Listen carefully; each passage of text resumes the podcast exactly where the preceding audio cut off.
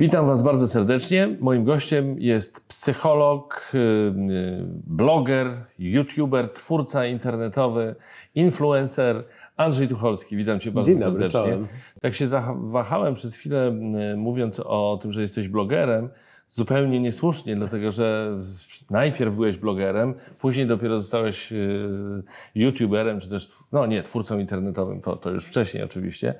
Y, Ale y, pierwsze moje pytanie dotyczy ogarnięcia, bo to jest słowo, które zauważyłem towarzyszy Tobie w Twojej twórczości. Bardzo.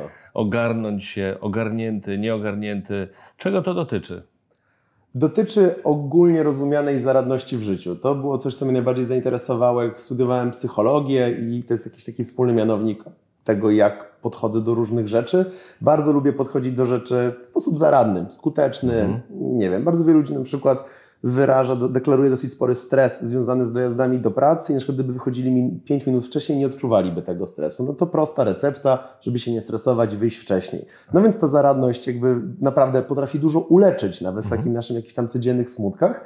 Tylko, że słowo zaradność tak uznałem, że jest takie trochę zbyt poważne, zbyt formalne i stwierdziłem, że wybiorę jakieś trochę mniej formalne, żeby sobie pozwolić na trochę więcej luzu No i takie nowoczesne. Bardziej nowoczesne teraz. i właśnie uznałem, że będzie ogarnianie. Tak, często y, się tak mówi, y, nie tylko do dzieci, do, do dorosłych również. Ogarnij się, weź się ogarnij, zrób coś ze Dokładnie, sobą. albo jakaś sprawa jest ogarnięta. I jak wiemy, jak ktoś powie, że już ogarnął jakiś temat, Tak. no to wszyscy w pokoju się, wszyscy w pomieszczeniu się uspokajają. No to dobra, nie musimy się o to więcej martwić. No to domyślam się, że ty jesteś super ogarniętym człowiekiem. Właśnie to jest taka, takie złudzenie optyczne, bo gdybym był, pewnie bym się tym nie zajmował, bo przychodziłoby mi to naturalnie, a właśnie zajmuję się takimi tematami, żeby trochę sobie pomóc w tej codzienności. Nie mam jakichś większych predyspozycji niż, niż sądzę Mhm. No, jakakolwiek inna przepraszam osoba. cię bardzo, ale ja znam niewiele osób, które wstają codziennie o 5 rano i ogarniają się tak wcześnie i dzięki temu No mają więcej czasu, czasu, zaczynają wcześniej, mogą więcej zrobić. Dlaczego właściwie tak postanowiłeś y, wcześniej wstawać? To prawda, wstaję o piątej, Tak. uwielbiam to swoją drogą i generalnie wszystkich do tego namawiam, o ile mogą sobie na to pozwolić. Argumentów jest kilka. Po pierwsze, ma się o wiele więcej czasu. Mhm. Ja mam taki rodzaj pracy, że dużo ludzi do mnie pisze albo dzwoni. Ja to lubię. Gdybym nie lubił, pewnie miałbym inną pracę. Ale nie da się ukryć, że taki ciągły kontakt trochę mi nie pozwala się skupić na tym, co robię. Więc jak wstanę przed tymi telefonami, te parę godzin od 6 do 9 rano jest no, tak samo produktywne jak od 6 potem do 16, do od 9 do 16. Więc ogromna, ogromna możliwość zrobienia dużej, dużej pracy jeszcze przed południem, kiedy dopiero ludzie się rozdzwonią. To raz, a dwa, jakie to jest przyjemne skończyć wszystkie obowiązki o 15. Wszystko jeszcze otwarte, można gdzieś pójść, coś pozałatwiać, urzędy są otwarte, bo zawsze z tym był problem. Jak kończyłem pracę o 20 i muszę pójść na pocztę, poczta też do 20. No i potem z tym awizę się śmigało. Y, Zawsze jest pewien problem z, z, z pocztą, ale ty przecież nie masz stałej pracy, nie pracujesz nigdzie na etacie. To prawda, pracuję, ale moja narzeczona pracuje na etacie, więc chcieliśmy się pod tym kątem dograć. Ona dzięki też Bogu. tak wcześnie wstaje? Tak, dzięki Bogu ma świetnego szefa, który powiedział, nie ma sprawy, przychodź na 6-7 i możesz wychodzić o 15, co jeszcze w jej przypadku etatowym ma dodatkowy plus, brak korków. Bo No Warszawa jednak o tej 6 rano jest o wiele bardziej przejezdna niż o 10. O, zdecydowanie. Czyli Tak. same, same plusy, same profity, nic tylko wstawać o 5 rano. Pytanie, co z życiem towarzyskim? Bo faktycznie jak się lubi posiedzieć z ludźmi do północy, no my chodzimy spać o 10, więc to jest już taki zupełny I wieczór. tak dosyć ortodoksyjnie, restrykcyjnie o tej 10 no Czasem musicie. seriale nas pochłoną niestety trochę za bardzo i człowiek trochę się zasiedzi, ale staramy się bardzo o tej 10. Ale jeżeli seriale was pochłoną, to potem i idziecie na przykład zamiast o 22, o 23 spać, to potem wstajecie o 6 zamiast o 5. Nie, pijemy Nie. więcej kawy kolejnego dnia. I No, potem kawę to- próbujemy to, jakoś do, do, wycyrklować, żeby się zgodziło w skali tygodnia, powiedzmy. Kawę to ty lubisz pić, tak swoją drogą możesz Bardzo, się napić, za- nawet zapewniliśmy tobie mam, co bardzo mnie cieszy. dosyć Dziękuję. dobrą kawę, liczę na twoją łaskawość, ale o kawie jeszcze. Mhm. jeszcze chciałem... Dobra? Powiedział znawca kawy. Kawoż, można powiedzieć. Marcin Amator. Dziękuję. Y, Kiedy rozmawialiśmy, bo ja byłem u Andrzeja w, w, w jego kanale, w, jego, w jednym z odcinków jego kanału na YouTubie, y, kiedy rozmawialiśmy wtedy podczas tego spotkania, to mówiłeś o tym, że no, najpierw to wiele, wiele osób może to wiedzieć, byłeś yy, i dalej jesteś znanym bardzo blogerem, nagradzanym yy, w ścisłej czołówce blogerów w Polsce, po czym postanowiłeś również zadziałać na YouTuberze i Tak. mówiłeś mi o tym, że nie było to takie łatwe, że się odbiłeś od ściany. I O co raz. chodziło? No właśnie. Mm, Krzyżów, wydaje mi się, że tutaj odegrała sporą rolę dwie rzeczy. Krzyżówka tego, że niestety trochę za bardzo byłem pewien swoich umiejętności jako bloger i tak sobie założyłem, przecież to też internet, no co tam może być aż takiego trudnego. A druga sprawa była taka, że trochę nie doceniłem tego, jak trudne jest robienie wideo jako takiego. I ten pierwszy problem polegał na tym, że wydawało mi się, że skoro umiem napisać dobry artykuł i potem zadbać o jego dystrybucję, bo to, że ja napiszę dobry artykuł w internecie to pół sukcesu i nikt go nie przeczyta. Potem jest cała zabawa, żeby to dotarło do kogoś. Wydawało mi się, że to umiem. I faktycznie umiem sprawić, by artykuł do kogoś dotarł. Ale zabawa z YouTube'em, z jego algorytmami, z tym, żeby to się pojawiło subskrybentom, to jest zupełnie inny temat. A do tego jeszcze doszło to, że naprawdę nie wziąłem pod uwagę, jak trudne jest regularne robienie wysokojakościowego wideo. Dbanie o montaż, o audio, o kolory, o oświetlenie, o rozkładanie studia każdorazowo. Odbiłem się kilka razy. Ale poczekaj, niektórzy mówią, że kanał na YouTubie można robić za pomocą smartfona, czy też smartfonów i niespecjalnie przejmując się o to, żeby jakość obrazka była perfekcyjna. Nie jest tak? Wydaje mi się, że to bardzo zależy od tematyki kanału. Bo jeśli ktoś pokazuje rzeczy inherentnie ciekawe, to faktycznie może je pokazać choćby i telefonem. Mój kanał jest o, praktycznym zastosowania, o praktycznych zastosowaniach psychologii. Raczej ja tam gadam, ja tam coś opowiadam, ewentualnie coś będę rysował, by wyjaśnić jakąś koncepcję. To nie jest aż tak ciekawe, więc wydaje mi się, że muszę podwójnie nadrabiać właśnie tymi technicznymi elementami, że skoro ktoś już decyduje się popatrzeć na mnie te 10 minut, jakby bardzo mi miło, mam nadzieję, że jakąś wartość przekażę w tym czasie, to żeby chociaż to było naprawdę porządnie zrobione. Jakbym pokazywał, nie wiem, wędrowanie po Tajlandii, pewnie wystarczyłby mi do pewnego stopnia telefon, bo to jest po prostu szalenie ciekawe samo w sobie. Mhm. No tak, i to by było naturalne. Jestem w Tajlandii, chodzę, zwiedzam, Nie mam studia ze używam smartfona. Tak. Dokładnie. Mhm. No więc odbijałeś się od tej ściany, ale w końcu udało Ci się przebić tę ścianę i przebić się gdzieś tam do uwagi Tak. y, użytkowników, y, widzów na YouTubie. Jak to, dzięki czemu? Pogodziłem się z faktem, że nie wymyślę na nowo YouTube'a. On, to, to medium istnieje i ono ma pewną wrażliwość, ma pewne zasady i nie uda mi się z nim wygrać. I to była ta największa rzecz, którą musiałem sobie pokonać jako osoba, która wcześniej blogowała, bo jak człowiek bloguje, może robić dosłownie cokolwiek. To jest moje miejsce, mój kawałek podłogi, tak, tak parafrazując. I Ja mogę robić co chcę na tym moim blogu. Na YouTubie niekoniecznie. Trzeba zadbać o pewien format. Wydaje mi się, że akurat doświadczenie telewizyjne jest tutaj wręcz super przydatne. Ja go absolutnie nie posiadam. Musiałem się nauczyć, że trzeba zacząć ciekawie. M- Przydałoby się jakieś intro. Musi być pewna dynamika tej wypowiedzi. I stwierdziłem, dobra, wiem na temat tego YouTube'a tam, nie wiem, 50 rzeczy i przestaję się bawić w to dziś spróbuję te, a kiedy nie. Wszystkie 50 muszę zrealizować w każdym filmie, który robię, bez pudła. No i dziwnym trafem, jak się człowiek natyra, to są efekty. Ale wiesz co, wydawałoby się, że ty nie powinieneś mieć kłopotów z, z- dotarciem do, do widzów na YouTubie, bo ty świetnie mówisz. Ja widziałem sporo twoich materiałów i w każdym po prostu no, wiele twarzy, nie wiem, prezenterów telewizyjnych, wielu chciałoby mieć taką, przepraszam, gadkę, jak ty masz, takie gadane. Stajesz i mówisz, i mówisz wyraziście, potoczyście, ładną polszczyzną, więc Wydaje mi się, że ogromną rolę tutaj odgrywa to, jak YouTube bardzo chce, by ludzie wyłączyli mój film. I to jest taka rzecz, o której twórca musi się przekonać jeszcze raz samodzielnie. powiedz, jeszcze raz powiedz. YouTube bardzo chce, by ktoś wyłączył mój film. Bo jest sobie mój film. Powiedzmy, że oglądamy mój film albo film na tym kanale, wszystko gra. Z boku jest belka filmów, które mają zachęcające miniaturki.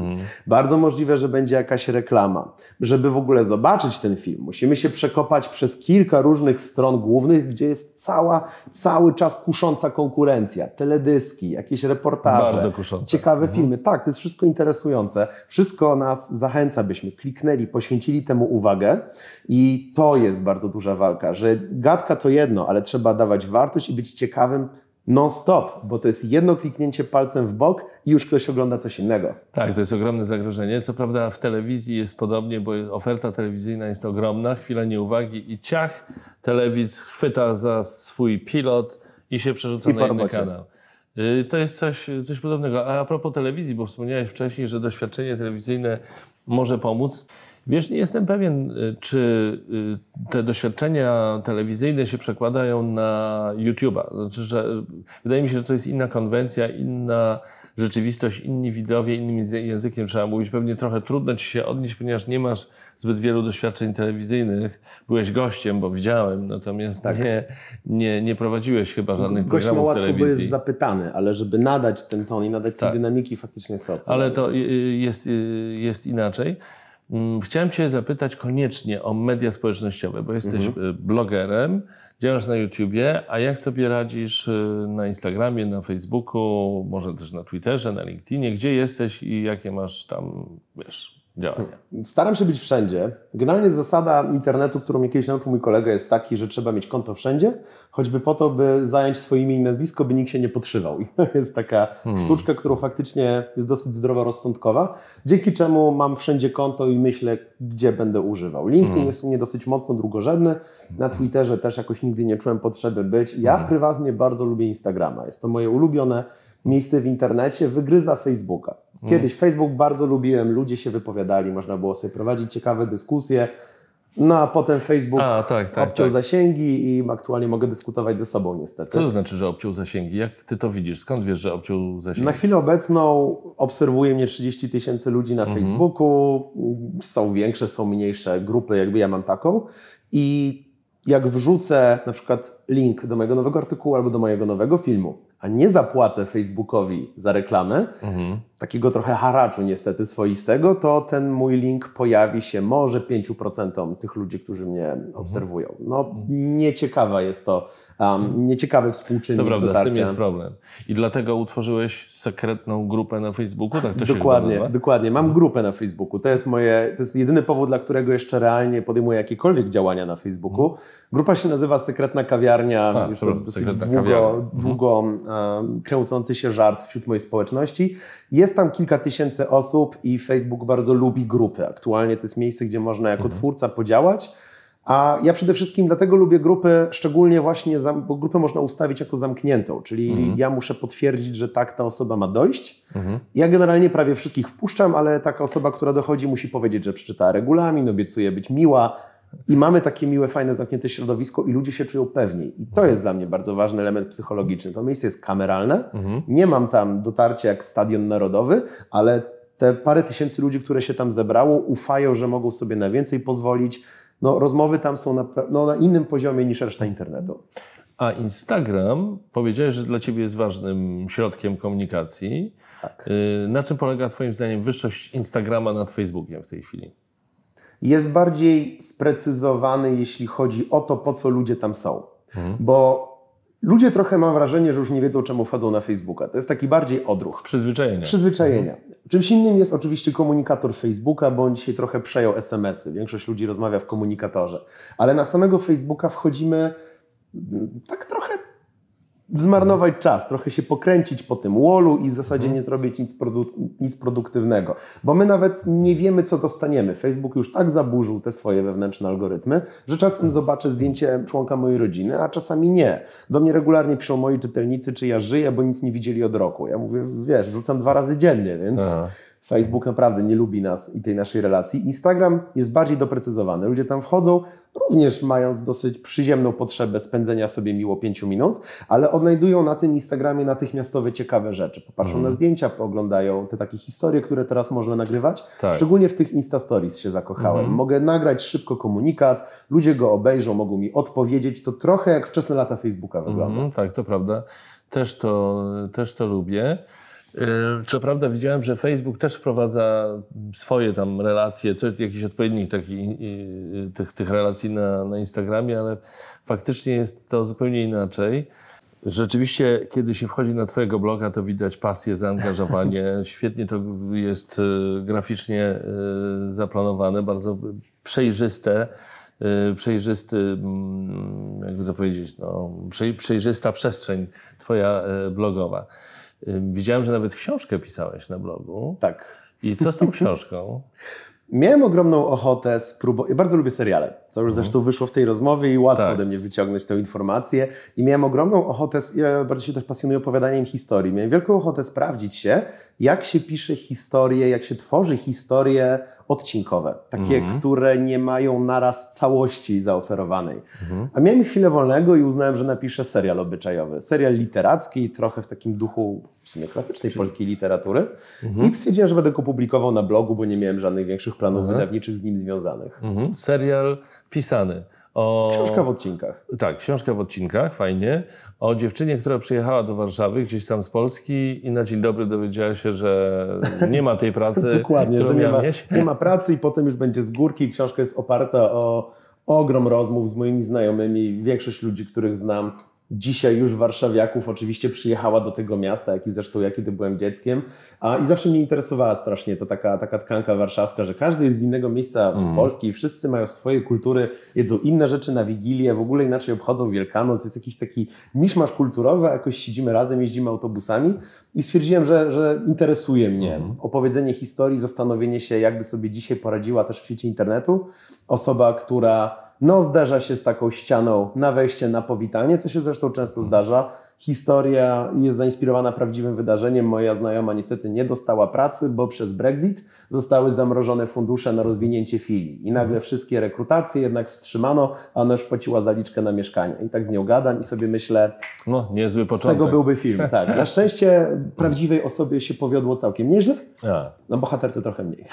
A jakie było zainteresowanie? A propos filmu, zgłosiła się do, do ciebie jakaś firma produkująca filmy z propozycją ekranizacji, nie, albo by wydawnictwo z propozycją opublikowania tej książki. Z wydawnictwami rozmawiałem, ale to były takie miękkie rozmowy. Akurat przerobienia tego na scenariusz, takiej oferty jeszcze nie miałem. Ja generalnie bardzo bym chciał. To jest moje marzenie pisać scenariusze. Od, od dziecka marzę o tym, żeby móc współtworzyć właśnie szczególnie seriale. Uwielbiam telewizję pod tym kątem.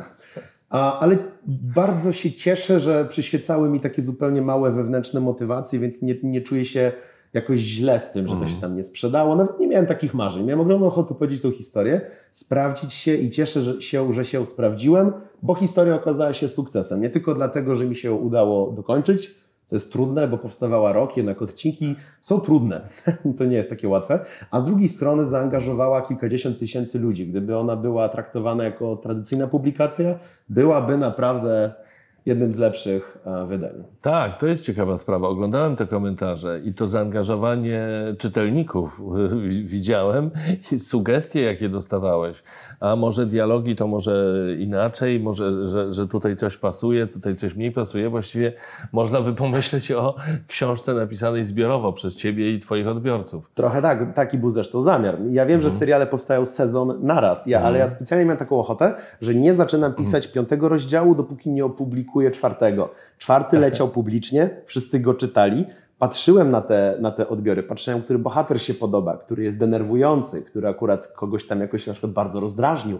Ja tak, o to ciekawe, zauważałem jakieś konflikty, jakieś problemy, które ludzie zau- m, mają w swoich prywatnych życiach. No dobra, to piszmy tylko o tym, bo zależało mi, by wzbudzać te emocje. A zdarzyło cię tak, że ktoś z czytelników cię zainspirował i poszedłeś w tę stronę, którą zasugerował, czy nie aż tak? I jedna z postaci w tej, tej książce w odcinkach w ogóle jej miało nie być. Fabułę miałem taką wstępnie rozpisaną w głowie bez jednej głównej, jak się okazało, pod koniec bohaterki, ale jak tak czytałem komentarze, to zauważyłem, że ludzie nawiązywali, też bardzo dużo ludzi do mnie pisze maile. Ja mam sporo czytelników, którzy się trochę krygują chyba wypowiadać publicznie, ale bardzo lubią się do mnie odezwać prywatnie.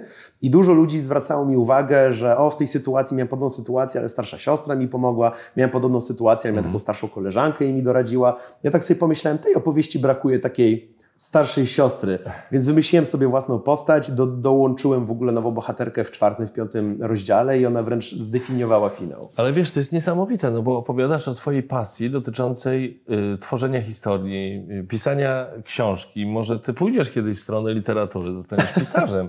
Ja bardzo chętnie. To To, kto jest coś, o czym marzę, ale na razie wydaje mi się, że jeszcze mam dużo do zrobienia pod kątem psychologii. Jest to temat niezajęty w internecie. Nie ma dużo, w mojej opinii, przystępnych materiałów dotyczących psychologii, szczególnie takiej praktycznej, nie klinicznej, nie związanej z chorobami. I z tego powodu na razie rozwijam się w tym, ale to mogę zdradzić, nikt o tym nie wie tutaj w tym odcinku i mogę to powiedzieć, że w tle jak najbardziej piszę już kolejne rozdziały czegoś nowego, Aha. bo po prostu strasznie to lubię. Trafiłem. A propos psychologii, yy, stworzyłeś teraz kurs uczenia się dla dorosłych. To jest ciekawe. Co się za tym kryje? Czego dotyczy ten kurs? Czego ty będziesz uczył dorosłych i co oznacza skrót Props. Historia jest taka, że ja dosyć duże problemy mam ze zdefiniowanej mojej grupy, z dodefiniowaniem mojej grupy docelowej. Bo mnie czytają ludzie ze wszystkich ścieżek życia. 50-latkowie, 18-latkowie, humaniści, ści, ścisłowcy, jakby cały, cała ta grupka. I staram się niektóre artykuły poświęcać jednej części, a inne drugiej części, Tak. żeby każdy miał coś dla siebie. I w pewnym momencie poświęciłem dosyć dużo artykułów, w mojej opinii, dla studentów, jak się uczyć, jak lepiej przyswajać informacje, jak oszczędzać czas. Poczę- Patrzę, że studenci ignorują te artykuły zupełnie. W sumie do przewidzenia. Jak byłem na studiach, też bym nie szukał w Google, jak się mądrzej uczyć. Aha. Szukałem zupełnie innych rzeczy. Na Ale to mogły być roku. bardzo cenne wskazówki. A pewnie ciebie. tak. No ale ja na to nie wpadłem, jak byłem studentem, więc aktualnie nie obwiniam studentów, że tego nie szukają.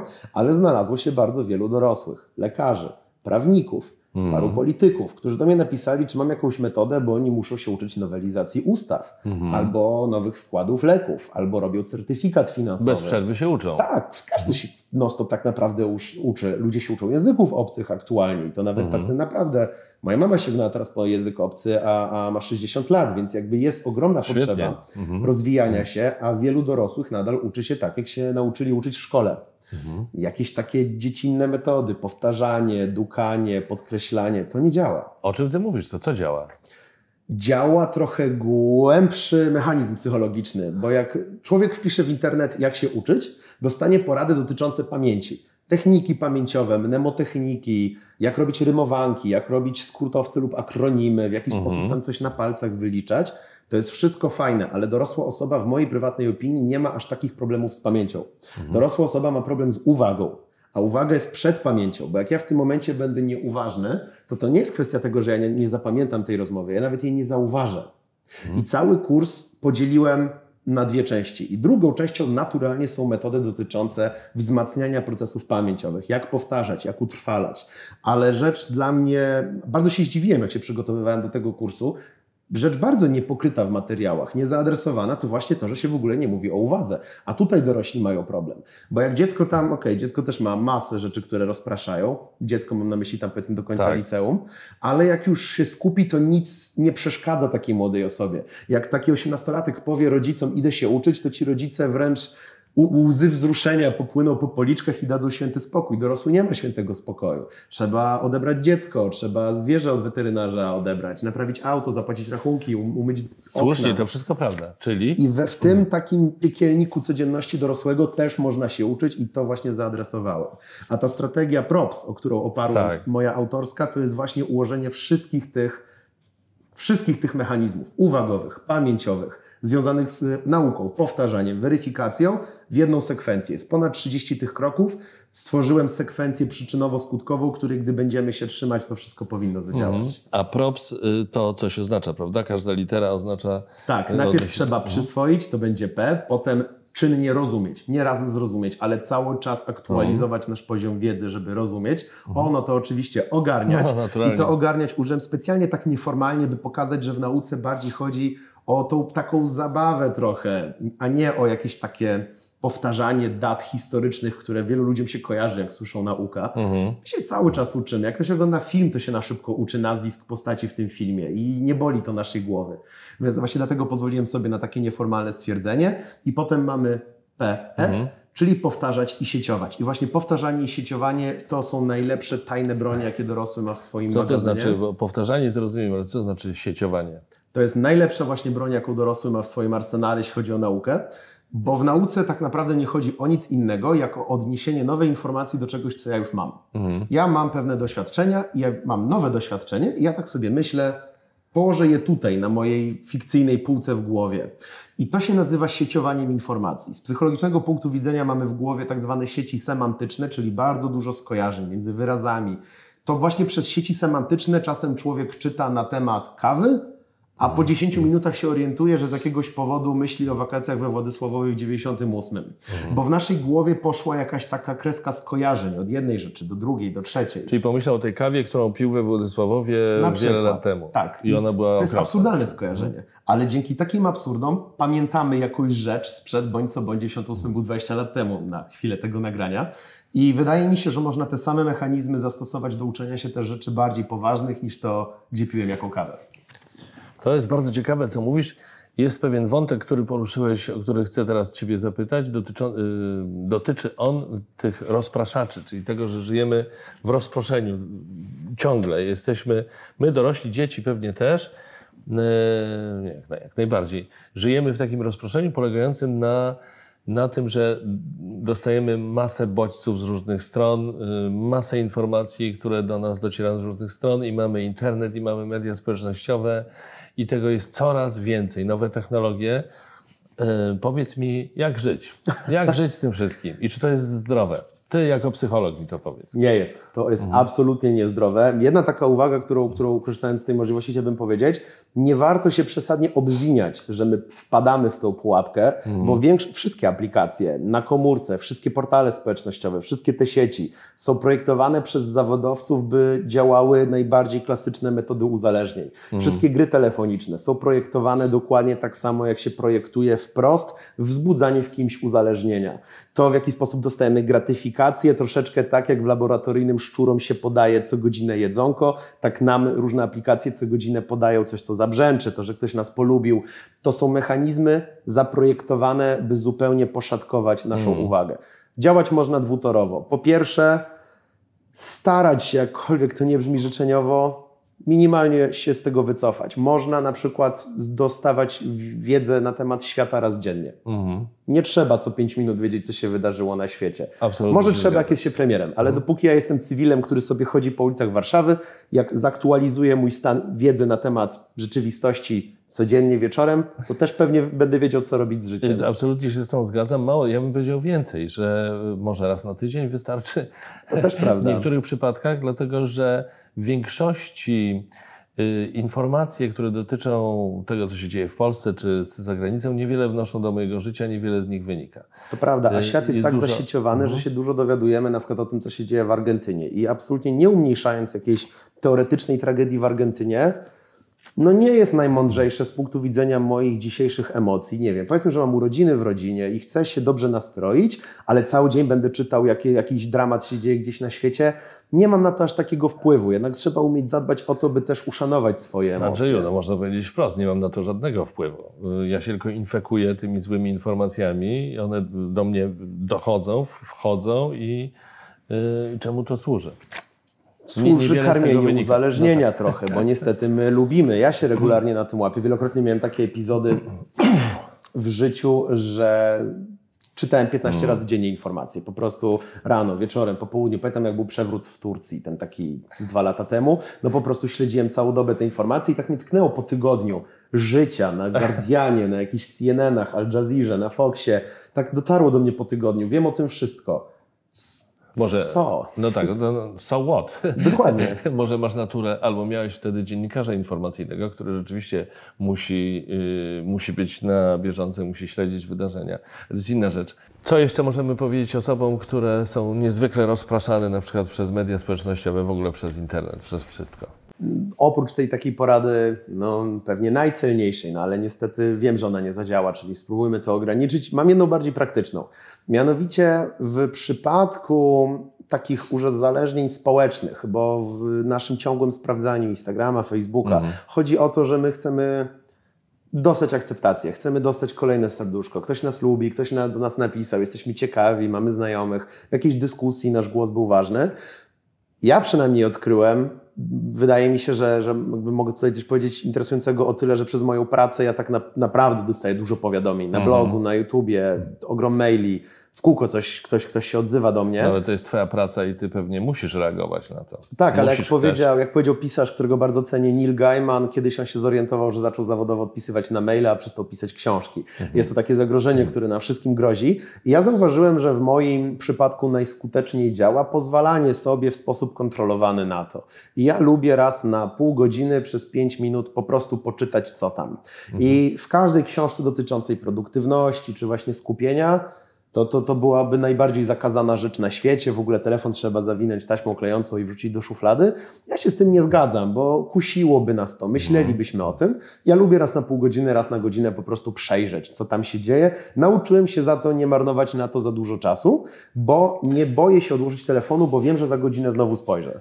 Ale czy to nie jest tak, że dla kogoś takiego jak ty, to jest po prostu z angielskiego full-time job, czyli nieustanna praca? Jeżeli jesteś obecny na kilku mediach społecznościowych, masz kanał na YouTubie, masz swój blog czy swojego bloga, to czy to nie jest tak, że bez przerwy coś tam musisz robić? Re reagować, odpisywać, lajkować, odpowiadać, dodawać nowe treści, etc. Dokładnie tak myślałem dużo lat, a potem się zorientowałem, że mnie to unieszczęśliwia i doszedłem do wniosku, że jak coś po prostu Hmm. przez 6 godzin będzie się działo niepoprawnie, To świat się nie zawali. Świat się nie zawali. To nie jest aż tak ważne. Najwyżej Mhm. za późno coś wyjaśnię, za późno komuś odpowiem. Trudno. Dosłownie dwa razy się zdarzyło, że miałem z tego powodu jakiś problem. Zresztą był to problem czysto komercyjny, bo po prostu ktoś bardzo szybko chciał ode mnie jakąś ofertę, a nie zdążyłem na czas wysłać. Mówi się trudno. Bardzo chętnie, bardzo cieszę się, że oddałem te dwie ewentualne oferty w zamian za to, że na maile odpisuję raptem dwa razy dziennie. I wydaje Mhm. mi się, że nie warto jest łamać danych takich sobie ram, takich własnych, mm, troszeczkę takiego własnego kagańca, który będzie nas powstrzymywał. No zwłaszcza jeśli chcesz być pisarzem. Jeśli chcesz być pisarzem, to musisz mieć ten czas na pisanie, tak jak Dokładnie. ten pisarz, o którym wspomniałeś. Dokładnie. W takiej klasycznej a, nauce o zarządzaniu w Stanach od lat już się mówi o podziale na pracę twórczą i na pracę typowo menedżerską.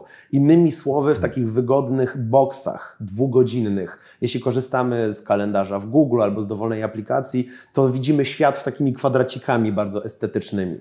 W takie kwadraciki możemy wpisać spotkania, robienie prezentacji, odpisywanie na maile, być może napisanie artykułu, jeśli jest on bardzo rzeczowy, ale w żadnym wypadku nie wpiszemy w takie kwadraciki napisania czegoś twórczego, scenariusza, jakiejś myśli szerszej. Ja nie, nie jestem w stanie wpisać robienia kursu w takie kwadraciki, bo ja do kursu muszę tak trochę się wejść w inny stan. Muszę sobie rozłożyć wszystkie moje notatki na podłodze, muszę się na nie popatrzeć przez 6 godzin i w ciągu tych 6 godzin nie mogę odpisywać na maile co 20 minut. Ale jeśli mamy pracę, która choć minimalnie interesuje nas, wydaje mi się, że to się zdarza częściej niż rzadziej, że ktoś trochę się wręcz zapomni w tym, że się fajnie zapracował, a nie co chwilę tylko sprawdzał Mhm, maile. Pewnie, że tak. Y, Twój y, program na YouTubie, kanał na YouTubie, odcinek, w którym ja brałem udział, miał wyraźną strukturę. Trzy, z trzech części się składał. Pierwsza część to był, to YouTube? był y, YouTube, druga część to były jakieś inne, y, jakieś inne Ogólne tematy. pytania ogólne do, konkretnie pytania. do danego gościa. I trzecia część, tak zwana krótka piłka. Dokładnie. która wcale nie była taka krótka, tak swoją drogą.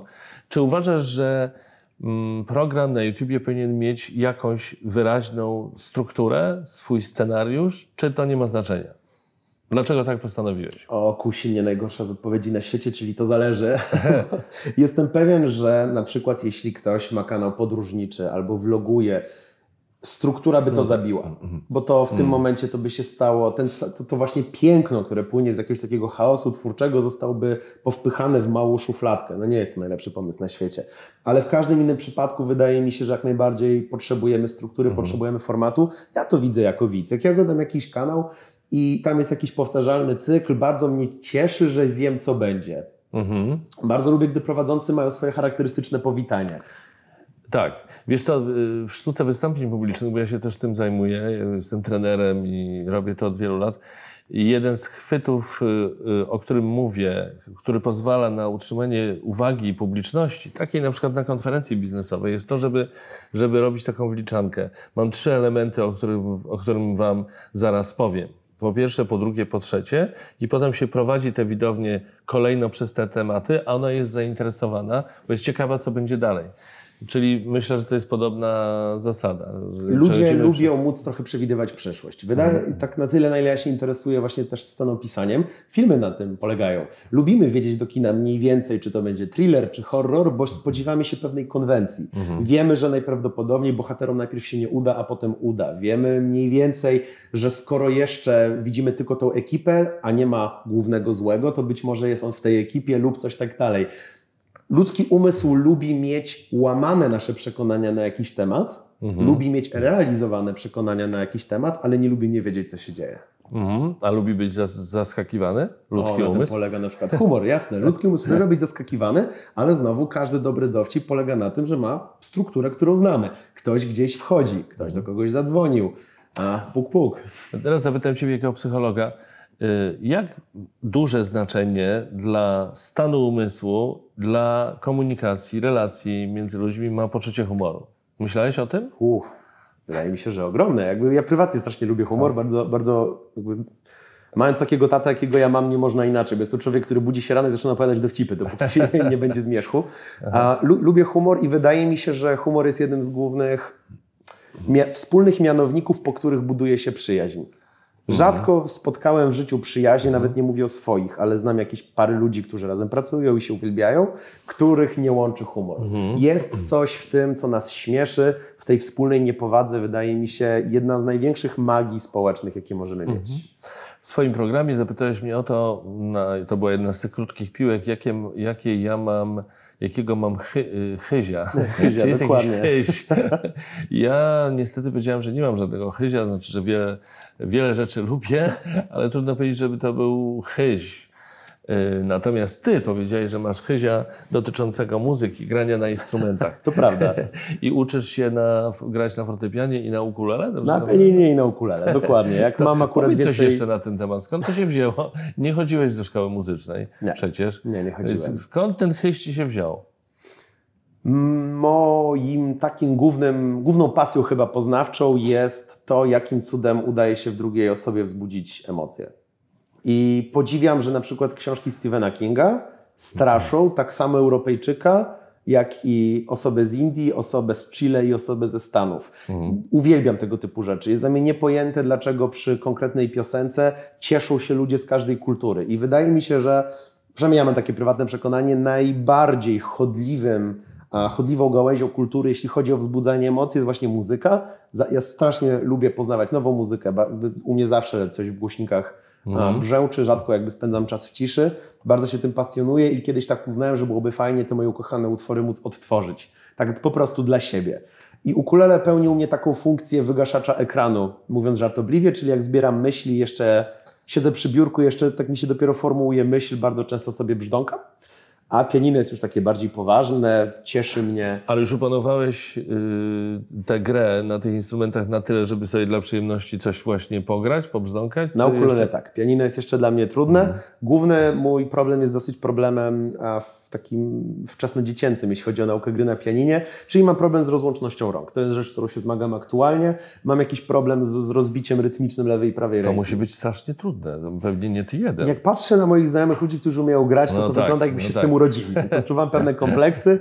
A umiem, nauczyłem się tak troszeczkę przez czyste powtarzanie konkretnych Mhm. piosenek, które bardzo lubię i w miarę płynnie mi wychodzą, ale mam też jakby równolegle idący tor takich prawdziwych Mhm. treningów. Jestem dosyć wcześnie tutaj.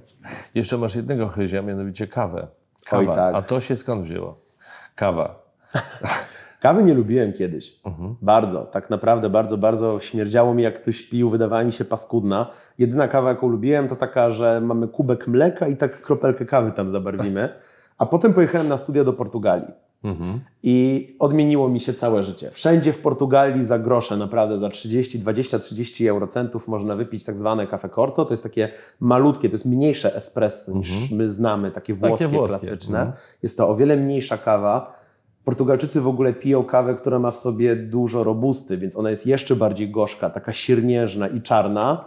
I nie wiem dlaczego ten szok, te takie małe, czarne, gorzkie, bolesne Aha. strzały pobudzenia po prostu tak mnie zafascynowały, takie polubiłem. Piłem tego Mhm. jakieś 10 dziennie i po powrocie już z tych studiów a, do Polski dostałem od moich bliskich na urodziny na szczęście ekspres do kawy potem, na najbliższą okazję taki Rozumiem, że mały... jakiś zawodowy.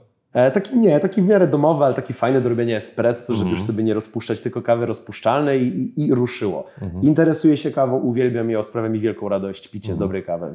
Andrzeju, bardzo Ci dziękuję. Przy okazji tej rozmowy poznaliśmy Twoje dwa, dwa chyzie, czyli jeden chyś to nauka gry Mhm. na instrumentach, drugi chyś to kawa.